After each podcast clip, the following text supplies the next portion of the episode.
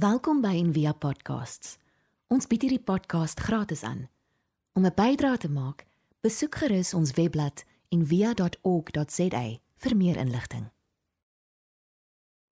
Ons gesels tans oor wysheid en ons fokus op twee kategorieë waarin elke kultuur hul wysheid kan deel.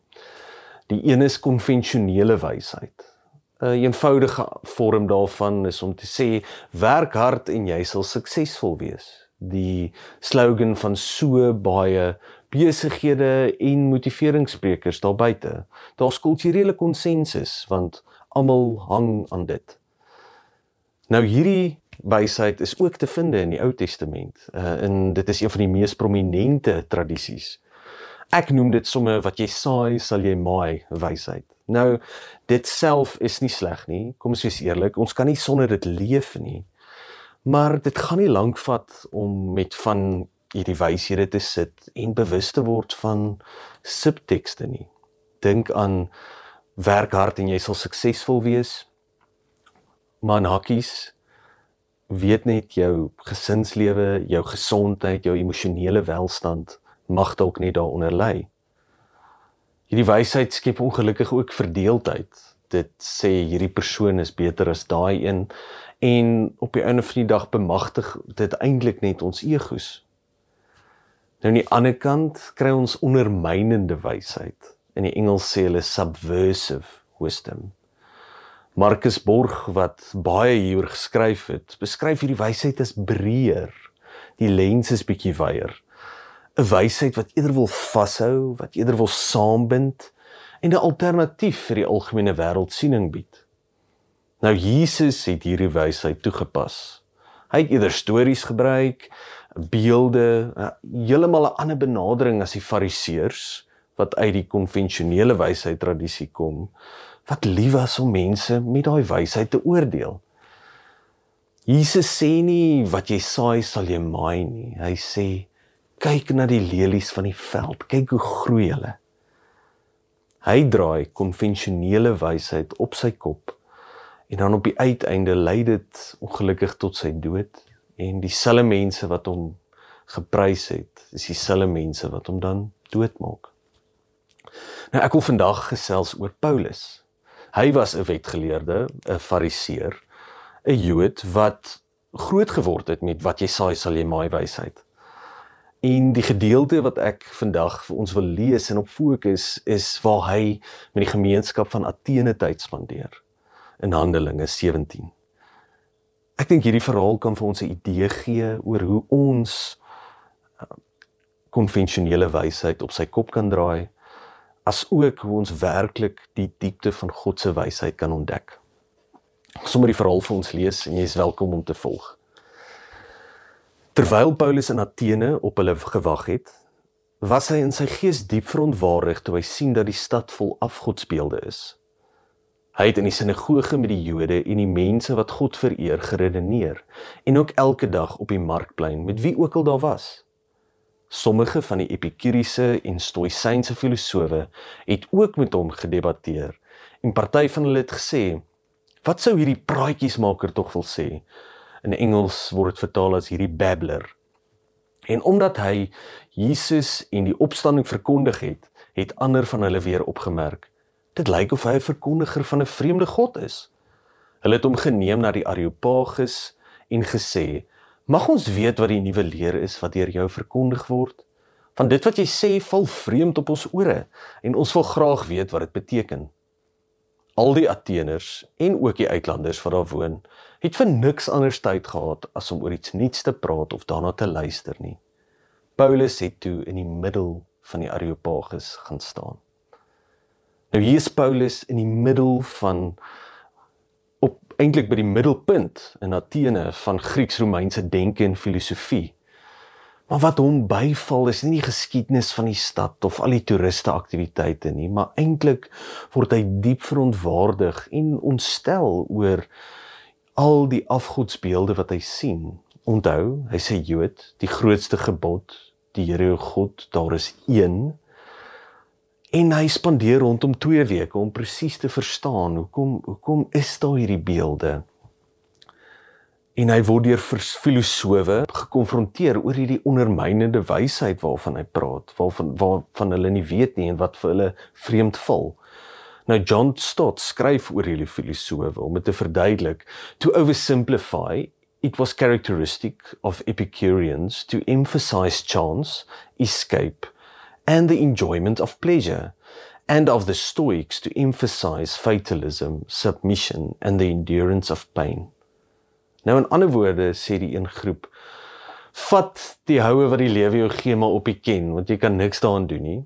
En die ander groep sê man as dit lekker is is daar geen gevolge nie. Nou staan hy voor die Areopagus voor die intellektuele elite wat besluit watter gode in hul veelgodery welkom is. En hy sê Atheners, ek sien dat julle in baie opsigte godsdienstig is, want toe ek deur die stad gestap het en noukeurig gekyk het na julle voorwerpe van aanbidding, het ek ook 'n altaar gevind waarop geskryf staan aan 'n onbekende god. Wat julle dan onwetend aanbid, verkondig ek aan julle. Nou Paulus begin hier in deernis vir hulle vertel van die Christelike God. Hy merk op dat hulle goeie mense is en hy sien dat hulle wel van die eienskappe van God in hulle het. En hy sien dit in die tyd wat hy daar beleef het. Maar dit is belangrik om te verstaan dat hy praat van die God wat heel onwetend aanbid. Nou die woord onwetend in Grieks agnoeo wat wat letterlik vertaal word as nie kennis dra nie 'n uh, ander vertaling daarvan kan wees die woord ignoreer. Nou om te ignoreer is die hart se intensie om nie te wil ondersoek of te ontdek nie. En Paulus weet dit. Nou hoor wat sê Paulus. Hoor wie hy sê hierdie God is. Dis die God wat die wêreld gemaak het en alles wat daarin is. Hy wat Here is van hemel en aarde, woon nie in tempels wat met hande gemaak is nie. Hy word ook nie deur menslike hande bedien asof hy aan iets behoefte het nie. Dis hy wat aan almal lewe en asem, ja alles gee. Uit een mens het hy al die nasies van die mensdom gemaak om die hele aarde te bewoon. Hy het vir hulle vasgestelde tye gegee en die grense van hulle woongebied bepaal sodat hulle kon soek, God kon soek en miskien na hom sou uitreik en hom sou vind aangesien hy nie ver van een van ons af is nie. Nou hier kom Paulus en hy gebruik voornaamwoorde om van hierdie God te praat. Iets wat totaal en al ongehoord is in daai omstandigheid hy sê jy kan 'n verhouding hê met hierdie God en raai wat dis ook 'n enkele God hierdie God is die skepper God Hy is te vinde in die natuur. Paulus sê die Christelike God het ook nie nodig om gedien te word nie. En as ek dit hoor, hoor ek hoe Richard Rohr op 'n keer gesê het, Jesus did not say worship me. Jesus said follow me. Hy sê jy hoef nie standbeelde wat met waardevolle materiaal wat konvensionele wysheid in elk geval bepaal het op te rig nie en dit te versorg nie kyk na die lelies van die veld. Kyk hoe groei hulle. So sorg God ook vir ons. Hy gaan aan en sê: "Van deur hom leef ons, beweeg ons en bestaan ons." So sommige van julle digters inderdaad gesê het, ons is ook van sy geslag. Aangesien ons dan van God se geslag is, moet ons nie dink dat die goddelike wese soos goud of silwer of klip is nie. 'n beeld gevorm deur die vaardigheid en ingewing van 'n mens. God het die tye van onkunde oorgesien maar nou roep hy alle mense oral op om hulle te bekeer in Grieks sê hy letterlik God is ons asem ons lewe ons kom en ons gaan waarna ons beweeg En hy sê God is ons is ons diepste diepste wese. Hy's binne in ons. En dit is waaruit ons bestaan. God is waaruit ons bestaan. soos Paul Tillich ook oor hierdie gedeelte van Paulus gesê het, God is die grond van ons wese. Nou die woord wat hy hier gebruik vir bekering is die term metanoia. Nou metanoia is veel groter as wat ons daaraan um, gekoppel het al die jare wat bekering is, wat mos maar eintlik net is om verskoning, uh, vra vir sondes en om dit te bely. Wat metanoia vra is 'n werklike 180 grade ommekeer letterlik en 'n totaal en alle verandering in optrede en houding. 'n Verandering van wees. Hy sluit af met hierdie sin en die verhaal sluit af want hy het 'n dag bepaal waarop hy die wêreld in regverdigheid gaan oordeel deur 'n man wat hy daarvoor aangewys het en hy het dit aan almal bevestig deur hom uit die dood te laat opstaan. Toe hulle van die opstanding van die dooies hoor, het sommige hom uitgelag terwyl ander gesê het: "Ons sal jou weer hieroor wil hoor." So het Paulus uit hulle midde vertrek. 'n Paar manne het egter gelowig geword en by hom aangesluit, onder wie Dionysius, 'n lid van die Areopagus, en 'n vrou met die naam Damaris en nog ander saam met hulle. Tot op die stadium was Paulus se rede nooit onderbreek nie. Hy was toegelaat om sy saak te stel totdat hy verwys na die opstanding. Net daarin dan lag die mense vir hom. En ek dink hulle het vir hom gelag want ek dink Paulus het 'n snaar getref wat seer gemaak het. Seer gemaak het, ongemaklik gesit het eerder. Hy bedreig hier kennis, rede, dit waarvoor hierdie Atheners leef. Hy sê vir hulle God is 'n misterie. Hy kan nie gekop of intellektueel verstaan word nie. Paulus weet want dit was lank ook sy afgod. Dit het veroorsaak dat hy mense oordeel, dat hy mense wond en dat hy mense letterlik doodmaak. Nou waarna nooi Paulus vir my en jou uit. Dink eerstens sê hy in hierdie verhaal vir die Atheners en vir ons God is in die skepping. Hy sê spandeer tyd in die skepping.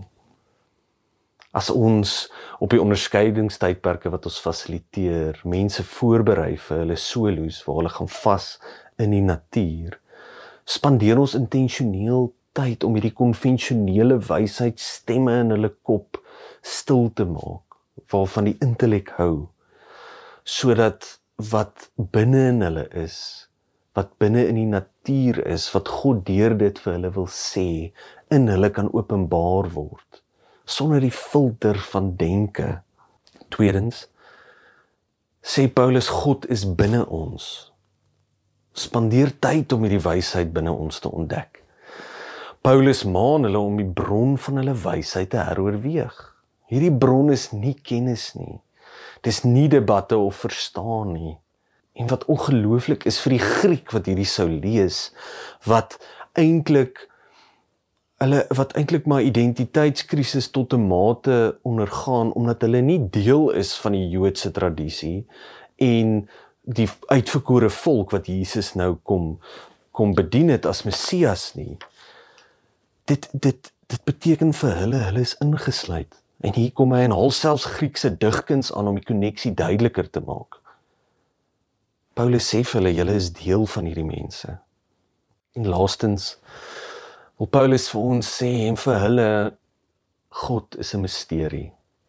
Die antitese, die teenoorgestelde van wat die Grieke met God probeer doen. Hulle probeer hom begryp met kennis. Paulus kry ook nie eers woorde in om te verduidelik waarom die opstanding so fundamenteel tot die verstaan van God is nie. Daaroor skryf hy baie in sy ander briewe. Maar in hierdie verhaal self sonder dit self sonder om te verduidelik van Christus se liefde wat wat op die kruis uh Jesus wat vir ons gesterf het um in liefde vir ons self sonder dit was daar mense wat gelowig geword het. Ek wil glo dis omdat hy vir hulle gesê het die goeie nuus is Jy kan nie kop God. Jy kan nie kop God nie, dis baie snaaks. Jy kan nie God kop nie. Hy nooi hulle uit na die misterie en ek dink vir baie van hulle was dit 'n 'n antwoord op 'n gebed vir vir verstaan wat hulle net nie kan begryp met hulle metodes nie. Wat as ek en jy mense wat agnoe o wat wat nie kennis dra van God nie dalk maar eerder soos die ander vertaling sê God ignoreer mense in ons samelewing wat sê hulle is agnosties ook met hierdie liefde en deernis benader. Ek dink meeste van die mense ook is het agnosties geword omdat konvensionele wysheid hulle verontwaardig het en gewond het. Kom ons vra vir God vir hierdie wysheid. Here, kom trek ons na u skepping toe. Kom wys ons Here dat u in ons is. En Here kom gee ons vrede met die wete dat u 'n misterie is en dat die uitnodiging is om u te bly soek. Amen. Baie dankie. Dit was lekker om vandag saam te wees. En dankie vir almal se bydraes wat alles wat ons doen moontlik maak.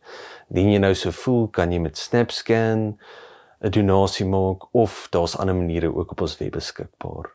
Mag jy in hierdie week ervaar dat God jou trek na sy skepping toe.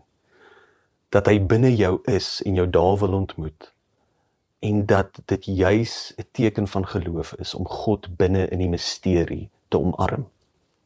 Gaan in sy vrede. Lekker week.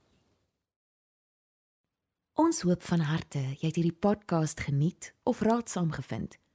Besoek gerus en via.ok.za vir meer inligting.